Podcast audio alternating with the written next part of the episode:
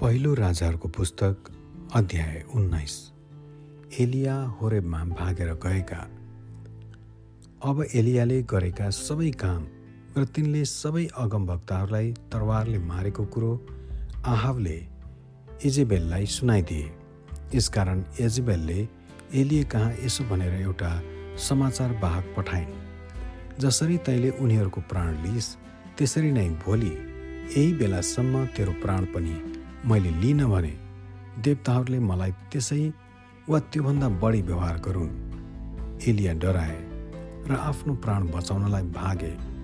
जब तिनी यहुदाको वर्षेबामा पुगे तब तिनले आफ्नो चाकरलाई त्यहीँ छाडे र आफू चाहिँ मरुभूमिमा एक दिनको बाटो गए।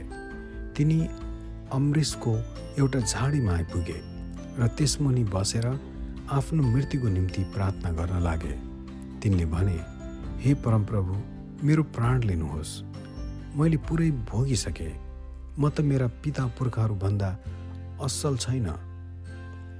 तब तिनी त्यही झाडीमुनि ढल्के र भुसुक्कै निधाए। तब झट्टै एउटा स्वर्गदूतले तिनलाई छोएर भने उठेर खाऊ। तिनले यताउता हेरे र आफ्नो टाउको नेर ताता भुङ्रामा पोलेको एउटा रोटी र पानीको एउटा सुराही देखे। ती खाएर तिनी फेरि ढल्के। परमप्रभुका स्वर्गदूत फेरि आएर दोस्रो पल्ट तिनलाई छोएर भने उठेर खाऊ किनकि यात्रा तिम्रो लागि साह्रै लामो छ। यसैले तिनी उठेर खानपान गरे। त्यही भोजनको बल पाएर तिनी चालिस दिन र चालिस रात यात्रा गरेर परमेश्वरको पर्वत होरेबमा पुगे। तिनी त्यहाँ एउटा ओडारभित्र पसे र त्यही रात बिताए। परमप्रभु एलिया कहाँ देखा पर्नु भएको तब परमप्रभुको यो वचन तिनी कहाँ आयो? हे एलिया त यहाँ के गर्दैछस्? तिनले भने सर्वशक्तिमान परमप्रभु परमेश्वरको निम्ति म साह्रै जोसिलो भएको छु। इजरायलीहरूले तपाईँको करार त्याएका छन् तपाईँका वेदीहरू भत्काइदिएका छन् र तपाईँका अगमभक्तहरूलाई तरवारले मारेका छन्।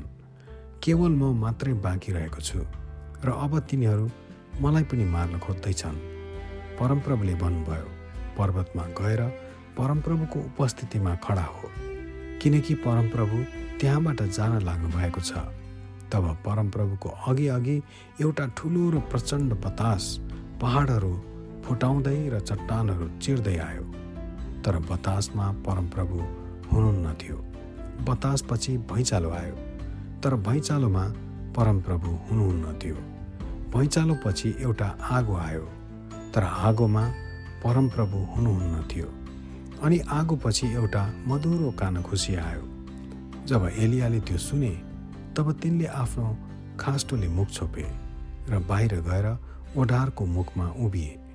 तबै एउटा आवाजले तिनलाई भन्यो एलिया त यहाँ के गर्दैछस्? तिनले जवाफ के सर्वशक्तिमान परमप्रभु परमेश्वरको निम्ति म साह्रै जोसिलो भएको छु। इजरायलहरूले तपाईँको करारलाई त्याएका छन्। तपाईँका वेदीहरू भत्काइदिएका छन् र तपाईँका अगमवक्ताहरूलाई तरवारले मारेका छन्। केवल म मात्र बाँकी रहेको छु र अब तिनीहरू मलाई पनि मार्न खोज्दैछन्। परमप्रभुले तिनलाई भन्नुभयो त जुन बाटो आएको छस् त्यही बाटो फर्की गएर दमस्कसको मरुभूमिमा जा। जब त त्यहाँ पुग्छस् तब इजरायललाई आरामको राजा अभिषेक गर। तब निम्सीको छोरो एहुलाई पनि इजरायलको राजा र हाबिल महोलाको सफातको छोरो एलिसालाई पनि तपछि आउने अगमवक्ता अभिषेक गर। इजरायलको तरवारबाट उम्कनेलाई एहुले मार्नेछ र एहुको तरवारबाट उम्कनेलाई एलिसाले मार्नेछ। तापनि सात हजारजनालाई म इजरायलमा बचाइराख्छु। ती सबै जसले बालको सामुन्ने आफ्ना घोडा टेकेका छैनन् र जसका ओठले त्यसलाई चुम्बन गरेका छैनन्। एलिसाको बोलावट। यसैले एलिया त्यहाँबाट गए र सफातका छोरा एलिसालाई भेटे। तिनी बाह्र हल गोरुहरूका साथ खेत जोतिरहेका थिए। तिनी चाहिँ तीमध्ये बाह्रौँ हललाई जोतिरहेका थिए।